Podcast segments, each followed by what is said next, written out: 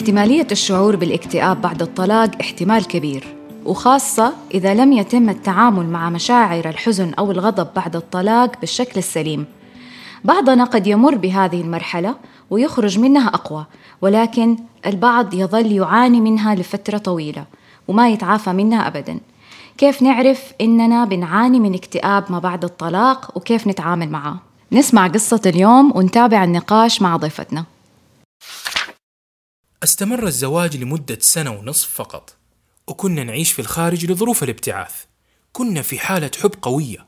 وكنا قريبين جدا من بعض. ومع إنها ما كانت فترة طويلة من الزواج لكنها بالنسبة لي كانت كأنها عشر سنوات. الطلاق كان لعدة أسباب. منها إنها لا كانت تفهمني ولا كانت تبغاني أدير المنزل. وعصبيتها كانت على أي سبب وبدون سبب. السبب الثاني مهم في نظري هو إنها كانت يوم ما زعلنا من بعض راحت فضحت في أسراري قدام أهلي وأهلها وهنا أنا اعتبرته خيانة عشرة. أول أسبوعين بعد الانفصال كنت سعيد وما حسيت بشيء وإنه الحياة حلوة. بس بعدها بدأت أحس بأعراض الاكتئاب. كنت أشعر بالحزن بالوحدة وبالفراغ لأني اكتشفت إن حياتي صارت فاضية من غيرها وماني قادر أكون بعيد عنها.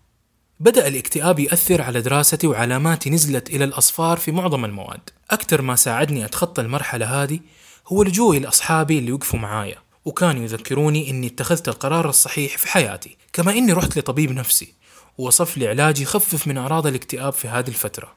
واستغليت فرصة وجودي في الخارج ووجود مجموعات للدعم في المدينة اللي كنت أدرس فيها. فالتحقت بإحدى المجموعات واستمريت أحضر الجلسات معاهم أسبوعيا لمدة ثلاثة أشهر. بعد ما عديت من الأزمة قررت أني أبدأ حياة جديدة. تركت أمريكا ورجعت السعودية عشان أكمل دراستي هنا. قررت أوقف تدخين وأبعد عن كل الأشياء السلبية اللي تذكرني بالمرحلة اللي كنت فيها. أنا اليوم أفضل بكثير ولله الحمد. بأحاول أركز على إنهاء دراستي وأحاول إني ما أعزل نفسي عن الناس ولا زلت أقاوم. نصيحتي إلى أي رجل بيعدي بهذه التجربة؟ لا تكبت مشاعرك لا تسمع للي يقولوا لك خليك رجال لا تزعل بكرة تجيب أحسن منها لأن هذا كله كلام ما حيفيدك. في وقت لازم تطلع فيه اللي عندك لازم تعطي الحزن وقته وحتقدر بعدها ترجع للحياة من جديد. ضيفتنا اليوم أستاذة رغدة بو. أستاذة رغدة هي مؤسسة عيادة بيربل كاوتش معالجة نفسية متخصصة في العلاج النفسي للكبار والعلاج الزواجي. أهلا فيك رغدة. أهلا وسهلا فيكم. شكرا لاستضافتي. سعيدين أنه أنت معانا مرة تانية في البرنامج. أنا أسعد. وموضوعنا اليوم موضوع مرة حساس أنا وغزل من زمان نفسنا نتكلم فيه. جميل الموضوع وهو حقيقي شائك وفي نظرة اجتماعية قديمة عنه. يعني آه، كان زمان تعرف إذا the depressed divorce women هذه النظرة اللي هي السيدة المنفصلة. النظرة النمطية. النظرة النمطية إنها سيدة منفصلة فهي مكتئبة وبإنه حياتها انتهت وما حترجع تحيا بالحياة مرة ثانية يعني ما حترجع تعيش الحياة مرة ثانية إلا بزواج ثاني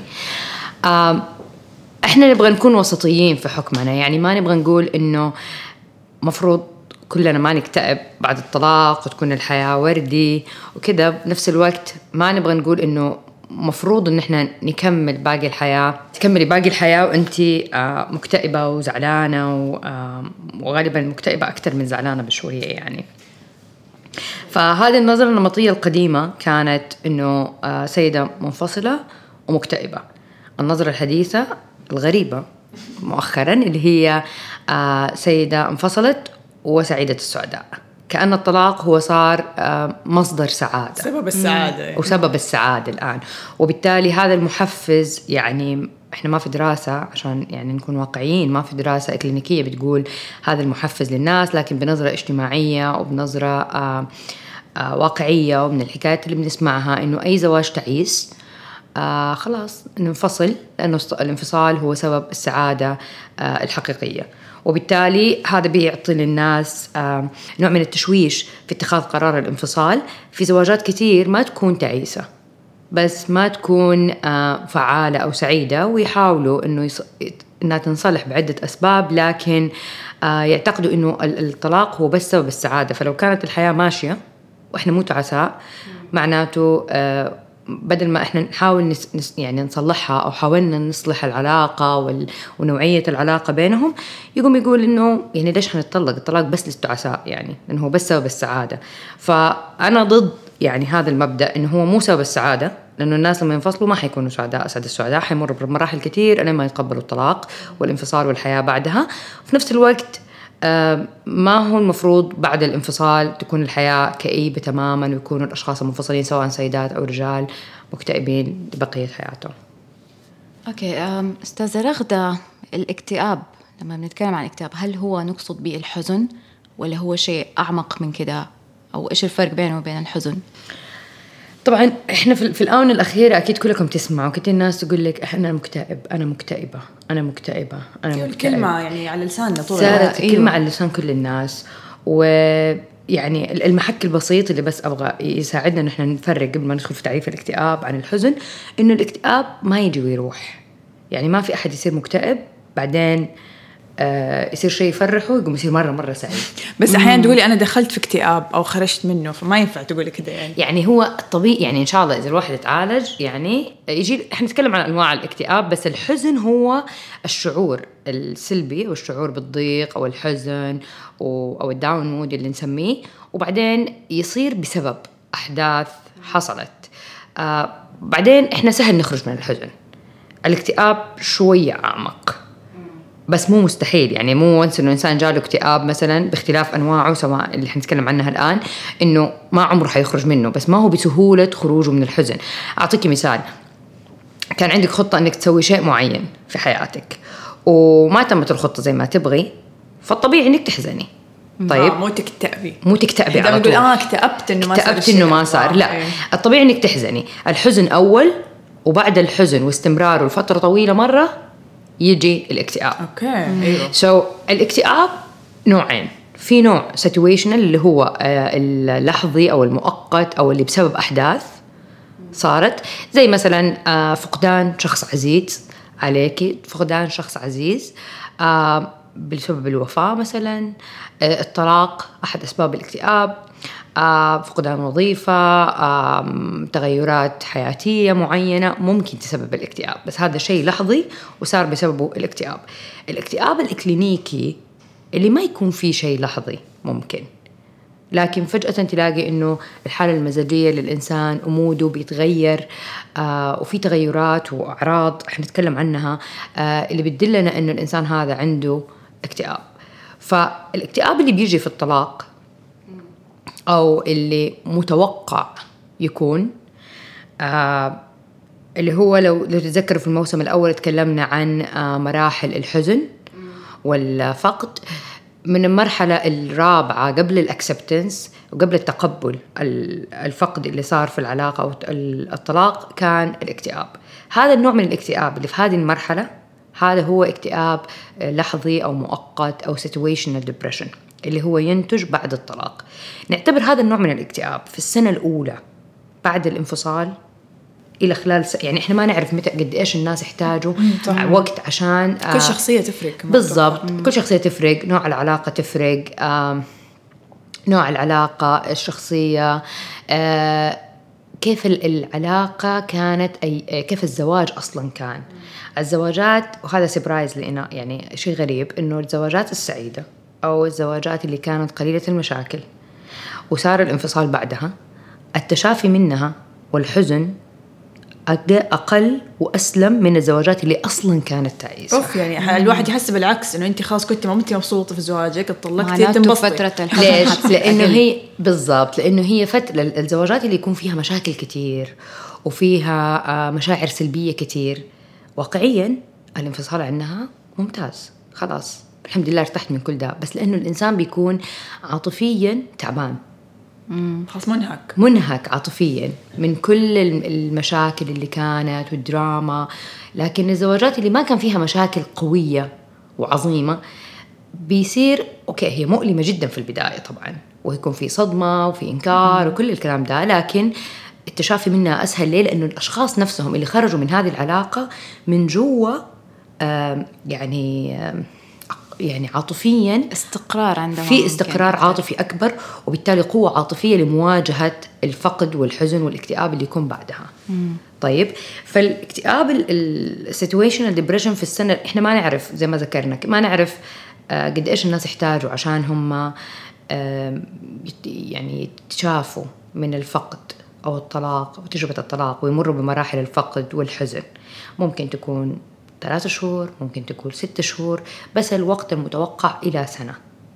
ما زاد عن سنة هنا عدى مرحلة ال grief and loss معناته الموضوع آه بدأنا ندخل إذا في الأعراض اللي حنذكرها حقت الاكتئاب معناته هذا clinical depression ونحتاج ننتبه لهذه الأعراض.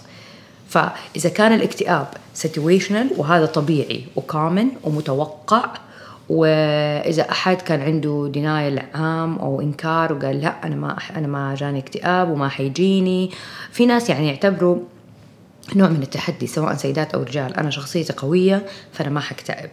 أنا أنا عندي ثقة في نفسي مثلا من الأشياء اللي سمعتها أنا عندي ثقة في نفسي فانا ما حكتئب. طيب صح ثقة في النفس إيوه بس يعني فرص الاكتئاب. بس يعني ال ال ال الثقه في النفس يعني أوكي هي هي يكون عندك حصانة بس هذا إحنا بشر في النهاية والنفس تتعب والحدث أكبر مننا. يعني أنا يعني لا يمكن التهرب لا هذا هذا بس إنكار. حتحزن وإنك حت يعني حتمر في في البروسيس إذا ما إذا ما حزنتي نفسيا معناته في مشكلة. هذه علاقة بسوءها بحسناتها بمساوئها. علاقة كنت مرتبطة فيها وضع اجتماعي معين سواء كان عاجبك مو عاجبك بس في مرحلة من التغيير. فالطبيعي إنه ما حتكون سهلة. لكن نلاقي نسمع أكيد تسمعوا كثير ناس حوالينا إنه لا لا ما ما ما ما ماني زعلانة بالذات لما يكون قرار شخصي. يعني ما تبغى تبين هي أو الرجل يبغى يبين إنه أنا زعلان من القرار اللي أنا أخذته. القرار اللي أنا أخذته. هو الواقع والحقيقي إنه المفروض حتى لو أنا اللي أخذت القرار طبيعي إني أزعل. وطبيعي إني أدخل في process ال depression situation depression وحيعدي وحيخرج منه الإنسان بسهولة آه، أكبر.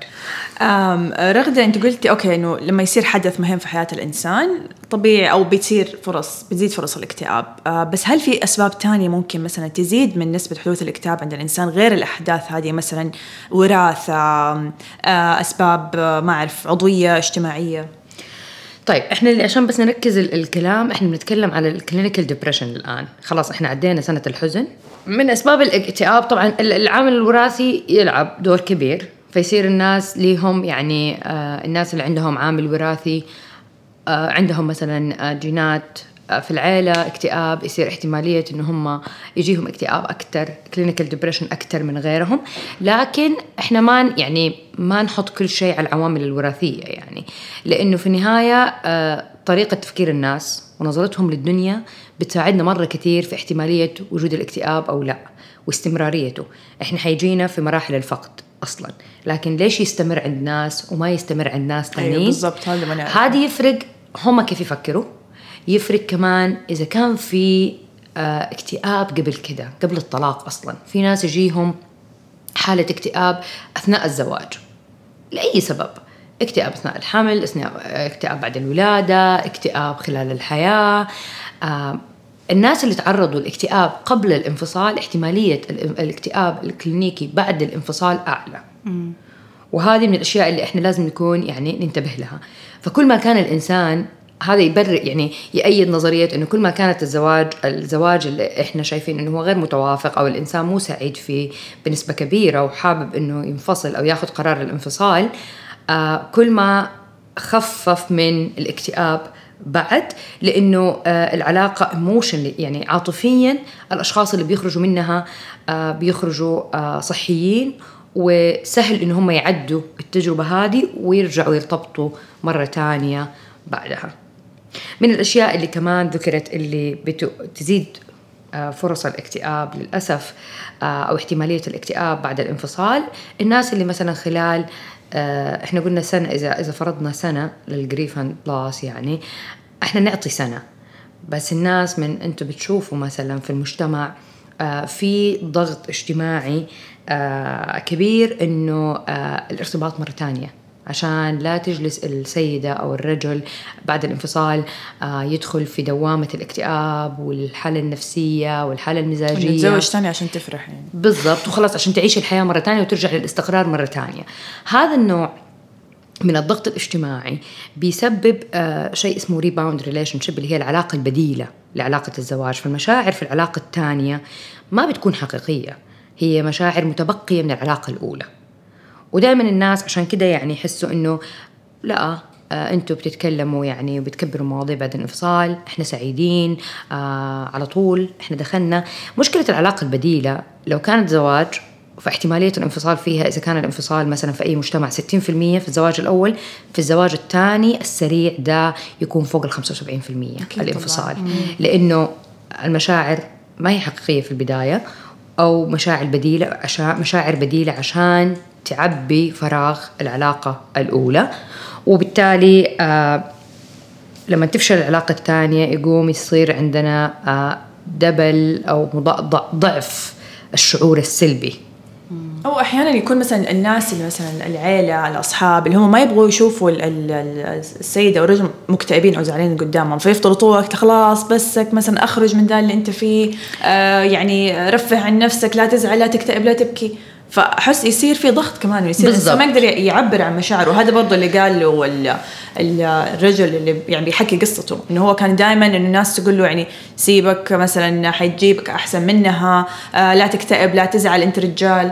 فأكيد هذا الشيء بيزيد ولا لا؟ صحيح هذا الضغط الاجتماعي بيسبب آه، ضغط على الفرد آه، سواء سيدة أو رجل منفصلين إنه ما يشعر بأي مشاعر سلبية. وهذا النوع من الضغط بيسبب كبت للشعور السلبي مما يؤدي لوجود اكتئاب لاحقا. يعني كثير ناس مثلا آه، ينفصلوا ويعيشوا فترة ما يعيشوا فترة الجريف اللي هو الحزن على الفقد بشكل كافي فنلاقيهم بعد آه، ويطبطوا على طول أو يعيشوا أو يعملوا أي تغيير في حياتهم. بعد فترة بعد سنة مثلا سنتين تلاقي فجأة في ديبريشن فجأة في اكتئاب. وما هو مبرر سببه. لحظة خلاص. انهيار للمشاعر. مثلا أو لحظة انهيار في المشاعر. ما هو مبرر سبب هذا ال ال الاكتئاب أو هذا ال الانهيار الانهيار العاطفي؟ لأنه المفروض إنه كل شيء صار مزبوط والحياة ممتازة بس هو السبب الحقيقي إنه ما صار تعبير عن الحزن في الوقت الأساسي دي. أستاذة رغدة مين اللي بيعاني أكثر من الاكتئاب من خبرتك أو من خلال الدراسات؟ آه الرجل أو المرأة؟ طبعا إحنا على طول اجتماعيا لما نقول بناء على الصورة النمطية آه السيدات. إحنا دائما مكتئبين. هذا اللي بيبين. okay إحنا صح السيدات عندهم احتمالية للاكتئاب عموما أكثر من الرجال. لكن في المقابل الرجال عندهم احتمالية أكبر لل anxiety وأمراض القلق والفوبيا أكثر من السيدات. فهو كل كل جنس عنده احتمالية لبعض الاضطرابات النفسية أكثر من غيرها. لكن آه مفاجئ جدا في آخر الدراسات اللي آه تمت في كندا وجدوا إنه الرجل احتمالية إصابته بالإكتئاب ضعف احتمالية إصابة السيدات بعد الطلاق. هذه إحصائية كبيرة. طبعا آه الرجال الآن حيقولوا لا بس هو أصلا اكتئاب يجي للسيدات ليش إحنا رج... ليش؟ لأنه الرجل ما يعبر عن مشاعره. اجتماعيا غير مقبول إنه يعبر عن مشاعره غير مقبول إنه يروح آه لثيرابي غير مقبول إنه هو يطلب مساعدة لأنه رجل والمفروض الرجل كأنه شخص كائن ما يحس. آه وهذا شيء غلط يعني. الآن إحنا نشوف في ال في ال في العيادات آه العلاج النفسي كثير رجال يجوا عادي ويعبروا عن مشاعرهم. طبعا كل ما. مو كل ما يعني آه زاد مستوى وعي الفرد. ومستواه التعليمي والثقافي كل ما فيه حاول بده يفهم نفسه أكثر ويساعد نفسه أكثر وتتغير عنده الصورة النمطية إنه الرجل لا أحس كمان مرتبط يعني هذه نظرتي الشخصية إنه مرتبط بالإيجو حق الرجال إنه كيف الرجال يعترف إنه أنا ترى عندي اكتئاب؟ ترى هذه مرة احس صعبه عليه لأن الستات عندنا إنه يعني أسهل إن الست تعترف إنه مثلا هي قصرت أو عملت شيء غلط أحس الرجال مرة صعب عليهم. إيه بس هو يعني لما يجي له اكتئاب مو معناته إنه هو قصر ولا إنه هو آه ضعيف. بالضبط. وهذا هنا يجي الوعي. فأحيانا ترى الوعي ما له علاقة بالتعليم ولا الوظيفة ولا الحالة الاجتماعية ولكن له علاقة أنا كيف أشوف نفسي؟ أنا كيف أشوف إن أنا ممكن أطور نفسي وأحسن نفسي وأعترف إن أنا جاتني لحظات ضعف ولا لا أنا فظيع وما عندي مشاكل. اعتقد أعتقد إنه إنه الموضوع الاكتئاب والاعتراف بالاكتئاب له علاقة مرة كبيرة بالثقة في النفس. لأنه اللي واثق من نفسه يعرف إنه أنا في النهاية بشر وزي ما جسمي بيتعب فأكيد نفسي بتتعب واعترافي بالاكتئاب ما هو آم، اعتراف بإني أنا عندي شيء أحتاج أشتغل عليه وأطوره. فالاعتراف بالاكتئاب ما هو إلا اعتراف آه، بإنه في خلل معين في نفسيتي وهو طبيعي. كثير ناس ممكن يتعرضوا ليه. ما له علاقة بقوة الشخصية ما له علاقة بالإيمان ما له علاقة ب آه، فما فاعترافه اعتراف سواء الرجل بالاكتئاب وطلبه للمساعدة هذا بيساعد إنه ما يتطور الاكتئاب. يعني زي ما الاكتئاب زيه زي أي الاضطرابات النفسية. في حالة آه، بسيطة درجة بسيطة من الاكتئاب في درجة معتدلة وفي درجة شديدة من الاكتئاب. طبعا كل ما إحنا آه، تجاهلنا الاكتئاب كل ما زادت درجته كل ما آه، بدأ الشعور السلبي يكون أسوأ وأسوأ وأسوأ. ففي الدراسة ال- الكندية اللي أجريت وجدوا أنه الرجال اللي منفصلين آه، عن الزواج أو عن علاقة عاطفية احتمالية إصابتهم بالاكتئاب ست مرات أكثر من الرجال المتزوجين. بينما السيدات المنفصلين أو بعض أو بعد العلاقة آه، بعد علاقة عاطفية سواء منفصلين بعد الزواج أو علاقة عاطفية مثلا في خطوبة أو شيء زي كذا. آه، بيكون احتمالية إصابتهم بالاكتئاب ثلاثة مرات أكثر من السيدات المرتبطين أو متزوجين فمن يعني من هذا المكان إحنا نبغى نقول إن الزواج شيء إذا كانت العلاقة صحيحة فهو شيء صحي. مفروض إنه يحمي ال- الناس من اضطرابات نفسية كثير. لكن آه، إذا كانت فإذا كان في الزواج بريء من الاضطرابات النفسية لكن إذا كان سيء أو إذا كانت العلاقة ما هي كويسة حنلاقي إنه الأطراف اللي فيه يعني ما هم مبسوطين بسبب أو لآخر بسبب سوء العلاقة أو جودة هذه العلاقة. الرجل بيجي له اكتئاب آه، احتمالية الاكتئاب ضعف السيدات لأنه الحياة بتتغير عليه هي بتتغير السيدة كمان بس بيكون آم، أنه يرجع يعيش لحاله مثلا أو في حال أنه كانت عنده الحضانة فهذه الحياة جدا متغيرة. أو إذا كان في آه، آه، ارتباطات آه، كمان من الأسباب آه، أنه الرجل بيشعر بالوحدة. آه، بالذات إذا مثلا بعد الانفصال عاش في نفس المنزل. آه، اللي كان متزوج فيه فبيزيد إحساسه من الوحدة وقلة الدعم الاجتماعي ليه. يعني الرجل بعد الانفصال يعني مو زي السيدات. السيدات تروح لمجتمعها صحباتها تتكلم عن هذه المشكلة عن الانفصال كل أحد يحاول يساعدها. الرجل للأسف بسبب الصورة الاجتماعية إنه هو لازم يكون قوي طول حياته. هو ما يكون ضعيف ابدا ما يعترف بأي مشاعر. فحتى بينهم وبين بعض ما يحاولوا إنه يعني آه يدعموا بعض. ولا مرة صح. بالذات لما يشوفوه هو كويس وساكت ما حد يجي يسأله يقول له مثلا أنت إيش إحساسك أو كيف حاسس دحين خلاص يعني يشوفوه والله ساكت وكويس وعايش حياته فيحسب إنه هو من جوا وما حاسس. بالضبط إنه ما في شيء واصلا عادي. مع إنه الواقع كثير رجال يعني آه، اعترفوا زي القصة اللي معانا إنه كانت تجربة قاسية عليهم آه، آه، عانوا كثير بعد الانفصال وتعبوا. يعني وفي منهم طبعا مرحلة الحزن والفقد كانت يعني بسيط يعني كانت صعبة عليهم لكن عدت. وفي ناس اتطورت إلى إنه صار عندهم آه، اكتئاب آه، كلينيك. رغدة ذكرنا في البداية إنه عشان نعرف نفرق بين الاكتئاب والحزن لازم نعرف الأعراض حقت الاكتئاب هذا. فتكلمينا أكثر عن أعراض الاكتئاب. طيب آه، الاكتئاب ليش هو أكثر من الحزن؟ لأنه في أعراض يعني واضحة وتكون أعراض الاكتئاب تساعدنا إنه نفرق كيف إنه الاكتئاب مختلف تماما عن الحزن وأعمق من الحزن. أول وأهم شيء قبل ما نتكلم عن أعراض الاكتئاب لازم نحط في بالنا إنه هذه الأعراض لازم تكون وتظهر على الشخص لمدة أسبوعين بشكل متواصل. من غير breaks من غير breaks يعني مو صار شيء فرحني اليوم فلقيت نفسي ما عندي هذه الأعراض لا ال- الإنسان اللي يجيله اكتئاب يعاني من هذه الأعراض بنسبة يعني أنا حذكر تسع أعراض خمسة منها على الأقل آه، لازم تكون موجودة لمدة على الأقل أسبوعين متواصلة. إذا كانت أسبوع بس ما نقدر نقول إنه هذا اكتئاب. إذا كانت ثلاثة أربع أيام في الأسبوع هذا وبعدين ثلاثة أربع أيام في الأسبوع الثاني ما نقدر نشخص إنه هذا اكتئاب. أول عرض الناس بيلاحظوه وهذا اللي بيسوي الخربطة بينه وبين الحزن. إنه الحالة المزاجية. آه مودي مو مزبوط. أو حاسة ب آه آه أول الأعراض اللي هو آه إنه الإنسان يشعر باكتئاب.